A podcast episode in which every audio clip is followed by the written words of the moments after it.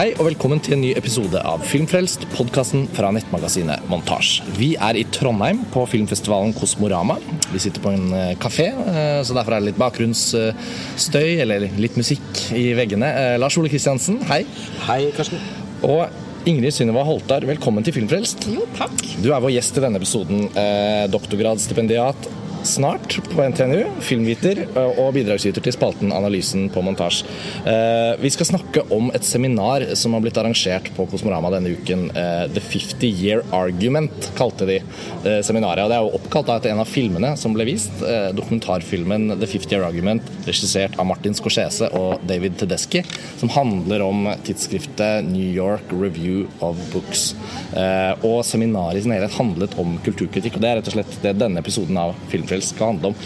Eh, Lars Ole, det var jo et sånt seminar vi, vi så på programmet til Kosmorama før vi dro og tenkte det må vi få med oss. Ja, det føltes jo veldig relevant for oss som da driver en praktiserende form for kulturkritikk selv da, gjennom montasje. Så føltes det jo som en sånn relevant faglig påfyll. Mm. Eh, og så var vi også ganske nysgjerrige på å se filmene.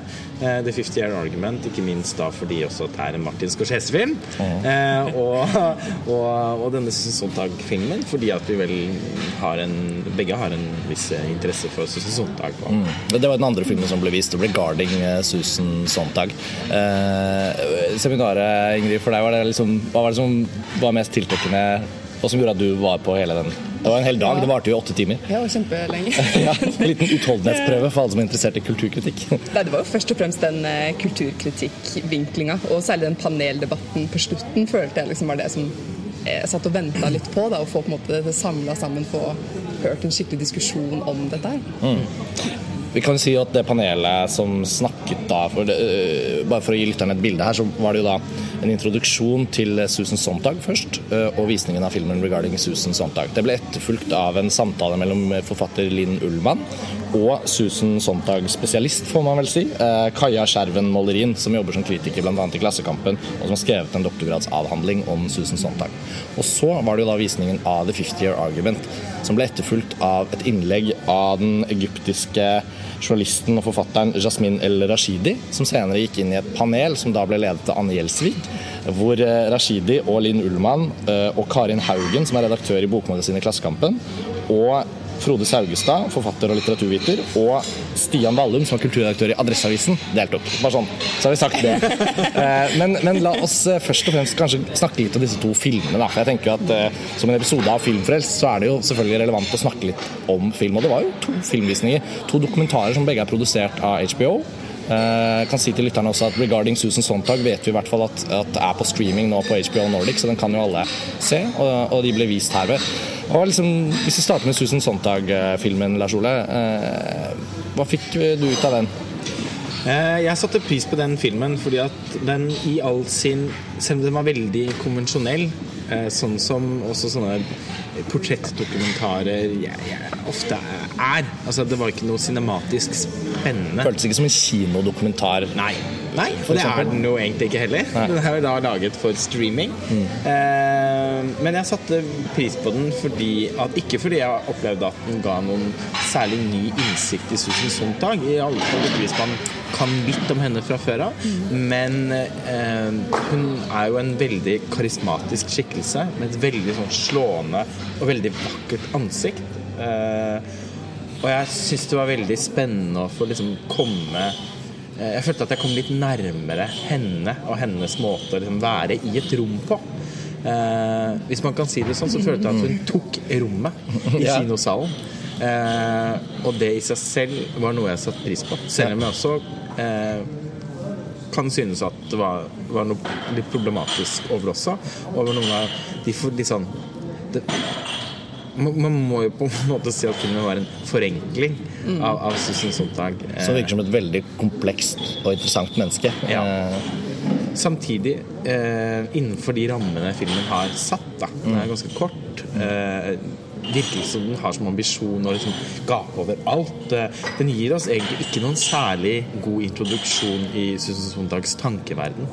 Eller hennes. Det kjente jeg at jeg syns nesten var litt var det jeg hadde håpet skulle være litt mer av. Da. At det ble litt for mye hennes ansikt og litt for mye Nei, for lite hva som var inni tankegods. Liksom. Ja, rett og slett. Vi kan kanskje komme med en liten introduksjon av Susan Sontag. Eh, jeg har lest no, noen av de bøkene og føler jeg kjenner til det ganske godt. Hva slags forhold har du til Susan Sontag, eh, Ingrid? Oh, nei, jeg, altså jeg har jo lest 'Against Interpretation', men det er vel først og fremst den jeg har lest. Så, mm. så for meg var det Jeg ble på en måte så interessert i å høre mer. Da. Jeg ble veldig sånn utrolig inspirert av å bare Det begynte jo med noen sånne utdrag fra ting hun skrev da hun var 15 år, og du fikk liksom dette bildet at hun eh, satte ned kompisen sin og fortalte Kants kritikk, liksom. Mm. Da hun var 14 år. Altså, det, er bare helt, det blir jo helt sånn ja, som, Det virker som en prodigy, da. Ja.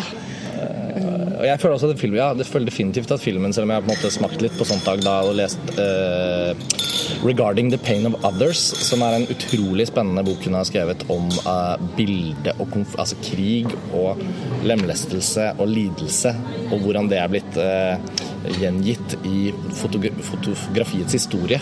På mange måter. Fantastisk spennende bok. Det var den første jeg leste. Så jeg har også lest den som heter On Photography, eh, og lest biter av den Against Interpretation. Jeg, ikke, jeg, tror ikke jeg har lest hele den sånn, som bok, da, men sånn utdrag du får noe på pensum. Og så er det sånn. På artikkelen Against Interpretation har ja, det er jo den. på at du har vært bort. Den kan man liksom ikke komme seg utenom, tror jeg, hvis man studerer hva for noe som har med film å, å gjøre. Men, det, men, den effekten da, er jeg enig med deg at når man har sett den dokumentaren, så får man absolutt på en måte mer lyst på å, å forske videre ned i, i, hennes både tankegods, men også hva hun har, skrevet. Eh, men eh, som utgangspunkt for, for, for, andre samtaler som foregikk den dagen, så følte jeg også at det å liksom presentere Susan Sontag som en sånn figur, altså sånn kritikeren som en Ikke nødvendigvis kjendis, selv om hun var det òg, men kritikeren som en sånn maktperson i den offentlige samtalen om kultur. Det syns jeg var en ganske sånn viktig sånn poeng å sette med den filmen tidlig. Ja, det er jeg enig i. Uh, og så jeg tenker likevel at filmen ikke var så altså, Jeg skjønner hvorfor du liker den Lars Ole som, som film fordi jeg likte den som opplevelse. Ja, som, som opplevelse, da. Ja, men, altså, men, men det, er sånn, det, er litt et paradoks at, at filmer som, som, handler om noe veldig respektert og veldig liksom, universelt Alle er enige om at liksom, Susan Sontag er en stor person og er viktig og flott med en dokumentar om henne. Men nesten alle sånne filmer jeg har sett, får, det, får denne komplekse personen til å virke mindre kompleks. Ja. Det syns jeg er eh, merkelig og et paradoks. Og det, det, gjelder jo egentlig den The 50 Year Argument òg, men på en litt annen måte. Det handler jo om et tidsskrift som blir liksom I løpet av denne filmen, hvor Martin Scorsese da har Eller hva skal man si? The 50 Year Argument handler jo om New York Review of Books som er blitt 50 år eh, gammelt tidsskrift, liksom, og, og, hva det har betydd for den offentlige samtalen, særlig i Amerika. da. Eh, men i den filmen så er det også en sånn veldig sånn glorifiserende stemning, hvor det bare er på en måte en hyllest. da. Snakket litt om at Det var nesten som en sånn festskrift eh, som man får på jubileumsdagen sin. og så er Det sånn det er så god stemning at, at som film så blir den jo ikke spesielt interessant, den heller. Mer altså som en inngang da, til å kanskje ja. begynne å lese flere ting. Men ja, satt jo ikke egentlig ikke så mye Jeg vet ikke. Den prøvde å rekke over veldig mye. da. Det var liksom skulle presentere nesten alle som hadde skrevet der en stund, hvert fall. Virket det sånn? Ja. Og så gå inn i én og én artikkel, og det virket som de hadde vært der på alt som hadde skjedd de siste 40-50 ja, 50 årene. Da, rett og slett. Mm. Jeg syntes, kanskje også den filmen, eh, selv om jeg syns den var i likhet med eh, Sontag-dokumentaren, da jeg synes de to, Hvis de to filmene hadde én ting til felles, så var det at jeg syns de var inspirerende å se. Fordi at man fikk lyst til å bli mer kjent med det de handlet om. Mm. Som du sa i stad, Ingrid, at uh, du fikk lyst til å lese opp igjen og lese enda mer Susan Sontag etter å ha sett den. Og det kjente jeg. altså Jeg har hatt denne boken 'Illness as a Metaphor' liggende i et par år nå, uh, og den har jeg da ikke lest. Og kjente umiddelbart at det første jeg skal gjøre når jeg kommer hjem fra Kosmorama Nå har jeg jo sett meg ned med den. Mm. Så, og og New York eh, Review of Books-dokumentaren føles jo også som jeg, jeg, jeg, klarte ikke helt å tenke at jeg syns ikke det var noe god portrettdokumentar av av denne redaksjonen og denne, huset, denne institusjonen da, som det er. Det det, på det området så syns jeg den var mangelfull, fordi jeg fikk ikke inntrykk av liksom, å gå rundt i gangene der og vente på tilbakemeldingen fra redaktøren. Og jeg, jeg fikk ikke noen følelse av miljøet, egentlig. Til det så syns jeg filmen var for mye all over the place. Mm. Den var veldig sulten på å ha med så mye som mulig. Mm. Uh, og der mistet den kanskje meg litt. Uh, ja. Men men den var inspirerende som en, som en som bare som en bekreftelse av hvor viktig kulturkritikken er når den er på sitt beste. Ja, Ja, og det er jo Ja. Det klarte han jo veldig virkelig å få frem, syns jeg. da, for min del. Du studerte jo filmvitenskap i New York, eh, Ingrid. og Kanskje har en sånn enda nærere følelse enn oss på liksom hvordan den, det liksom intellektuelle eller det liksom akademiske klimaet er der. Og liksom, er New York Review Books en sånn publikasjon man virkelig bare må lese, liksom? Eller er det Vet du, det, det var For jeg må innrømme at jeg ikke har lest noe særlig av, av den. Nei, og jeg er jo litt der selv, altså. At det, eh, man blir jo veldig selvfølgelig når man ser de New York-bildene og liksom føler at det er et eller annet med den stemninga som jeg kan kjenne igjen. Selv den filmen som ikke viser så mye av det, fikk jeg på en måte den følelsen av. Men eh, jeg følte aldri at det var noe vi liksom snakka om eh, vet ikke, under timen og liksom tok opp det. det men det kan hende ja, var mer min egen feil. Men det er interessant, jeg bare synes det er interessant fordi, eh, fordi seminaret, denne seminardagen hadde jo som sånn grunnleggende spørsmål eh, som skulle bli drøftet. da. Eh, hvordan har vilkårene for kulturkritikken i den offentlige debatten endret seg de siste årene? Er det slik at dybdekritikken er i ferd med å forsvinne? Og i hvilken grad er debatten rundt kunst og kultur knyttet til utviklingen av våre moderne demokratier? Det var liksom et par sånne spørsmål som lå som premiss for seminaret hvor disse to filmene ble vist her på Kosmorama. Men, men jeg også tenkte eh, etter denne New York Review Books-dokumentaren at liksom eh, klimaet er også veldig forskjellig fra land til land. Altså det er Norge som en bygd i verden blir jeg av og til veldig klar over. Og det kjente jeg litt på. Uh, den 50 year argument er liksom sånn at i New York i New York Times eksempel, også som en avis, da, og New York Review of Books og den derre det alvoret, seriøsiteten rundt liksom det intellektuelle og det akademiske og det grundige og det dyptpløyende som en sånn derre stolthetsting.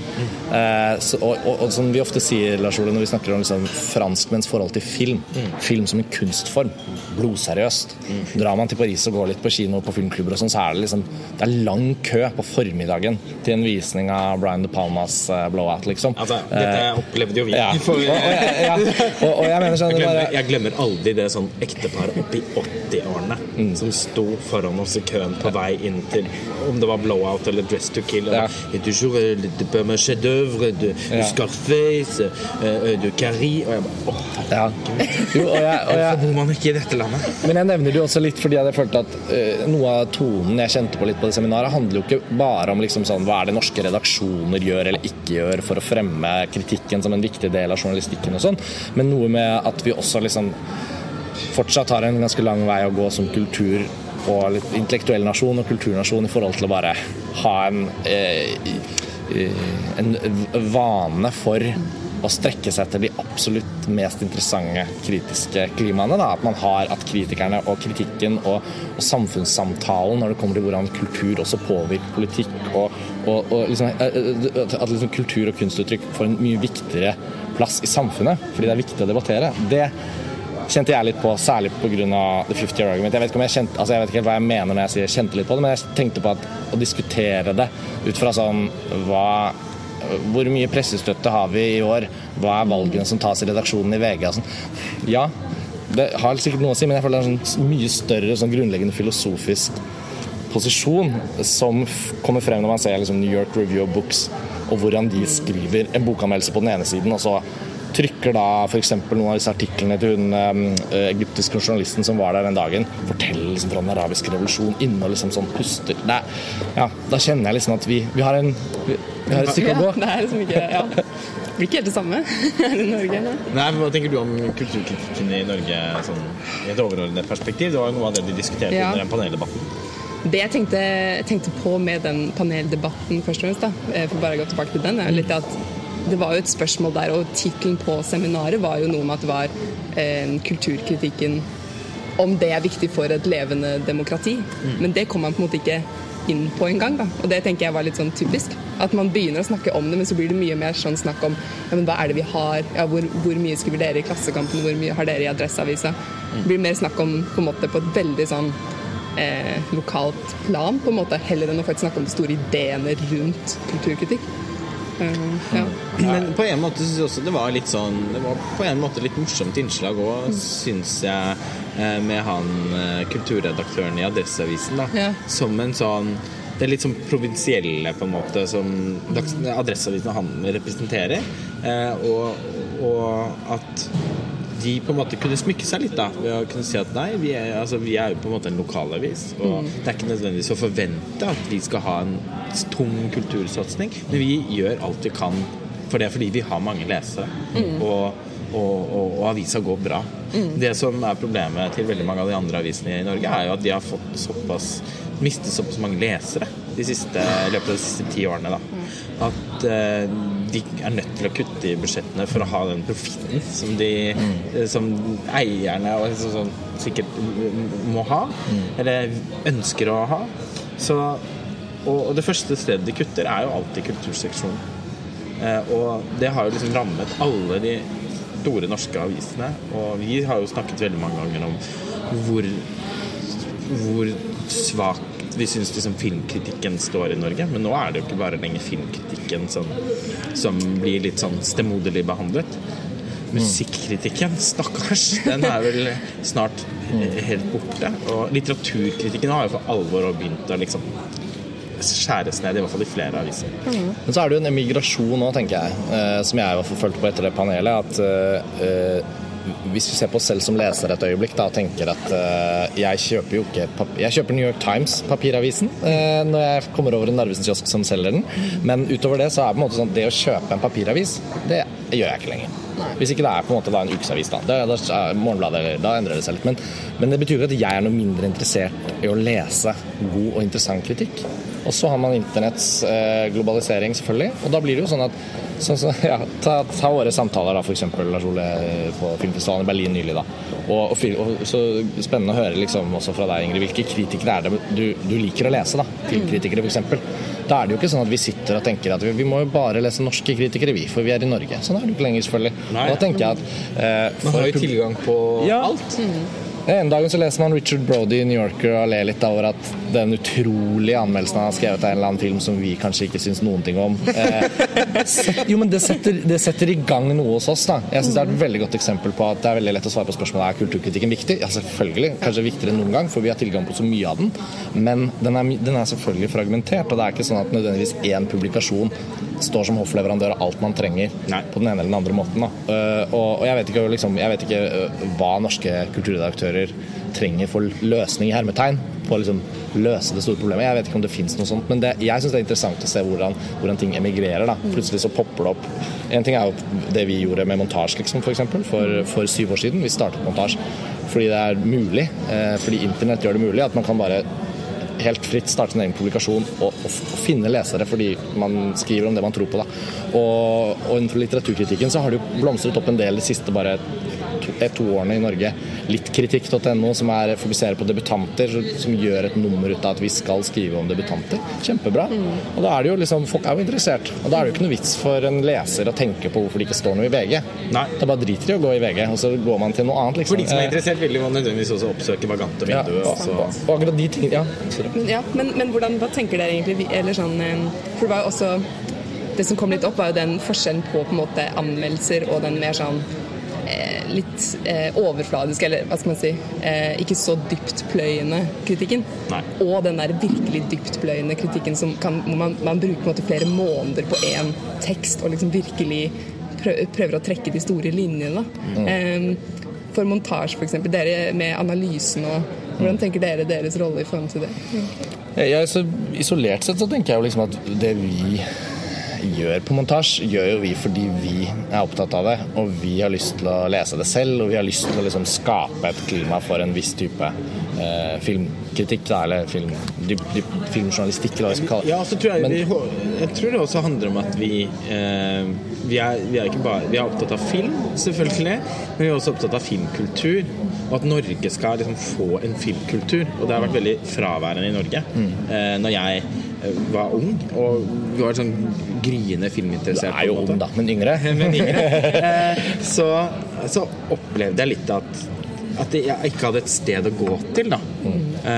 og endte opp med å surfe masse på internasjonale altså på engelskspråklige nettsider og sånn. Og jeg tror nettopp, selv om vi har tilgang på alt altså sånn, Vi kan lese Richard Brody, selvfølgelig. Mm. Vi kan lese eh, For noen år siden kunne vi lese Roger Rebert. Mm. Eh, men uh, det er noe med det handler litt om identitet. At man, når man får noe på sitt eget språk, og at det er noen i ens liksom nærhet som eh, som går virkelig inn i noe, så han, tenker jeg det handler litt om, om dannelse òg, da. At man, å, å, sette en standard og si På montasje, f.eks., hvor vi da ikke skriver korte anmeldelser, eller forbrukerorientert type filmkritikk, hvor vi alltid har som det er sier ikke at alltid vi får det til, men vi har da alltid som mål at kritikken skal kunne gi noe til leseren utover bare en vurdering. Og så har vi analyseprosjektet som er helt spesielt, selvfølgelig.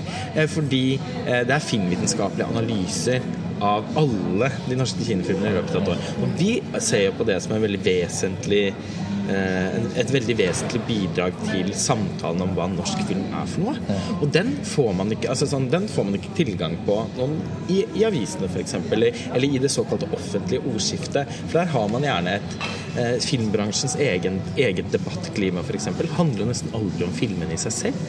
Fordi folk er jo redde for å tråkke hverandre på tærne og mene for sterke ting om hverandres filmer. Så der handler det om støtteordninger mm. og, om, eh, og, om, kjønnsbalanse og om også veldig vesentlige ting, selvfølgelig. Eh, men eh, for montasje så, så, har det jo som jeg, som har jo nettopp kulturkritikken mm. vært det som har vært essensielt. da, å, å gjøre kritikk, rett og slett. Vi har jo aldri vært noe bransjemagasin. Så det har vi jo Rushprint, som vi har helt utmerket. Mm. Det har jo aldri vi trengt å beskjeftige oss med. Så, ja.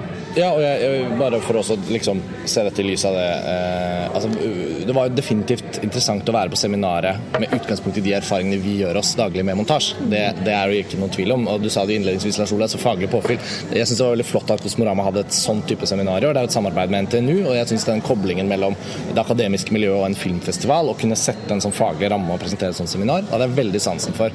Skikkelig, Jeg føler det var ordentlig utbytte av det. Og, og, og, og vi føles jeg, Det nesten så jeg tenker at vi er litt sånn ekstra heldige da, som har den konkrete, praktiske erfaringen med montasje, som kan knyttes til den store, mer sånn filosofiske eh, samtalen som, som, som, kanskje lå til grunn for debatten, men som kanskje ikke helt kom fram i panelet, sånn som du sa. da, mhm. At det ble litt eh, spesifikt. Og da jeg får jeg lyst til å ta opp Susan Sontag igjen. da. Vi startet med Regarding Susan Sontag. Jeg synes det er ikke bare inspirerende, liksom, som vi sa, får lyst til å lese mer og, og de tingene man ikke har lest ennå. Sånn, men det er også veldig flott å se et eksempel på en type kritiker som, som ikke bare liksom overfladisk sett kan sies å være en stemme, men som er en sånn stemme. Altså sånn, Hun er jo død nå, men hun følte virkelig at sånn, hun betød noe og ja. betyr noe. Mm, ja. eh, jeg vet ikke om, om, du også følte det, men det, det, det savner jeg. Det vet jeg ikke om liksom, man kan si at Sånn. Nå kommer vi jo liksom inn på det vi driver med på montasje, men i norsk sammenheng utover filmkritikken og på litteraturkritikken, så hvem er det vi liksom har som er sånne Eller har vi noen som er sånne stemmer? Eh, det tror jeg man fortsatt har behov for, selv om plattformene endrer seg. Ja. Mm. Um, men ellers så ja, Hva kan man si at kom frem på dette seminaret, da? Om vi skulle si at vi nådde noen konklusjoner? Var det noe Oi, ja. ja.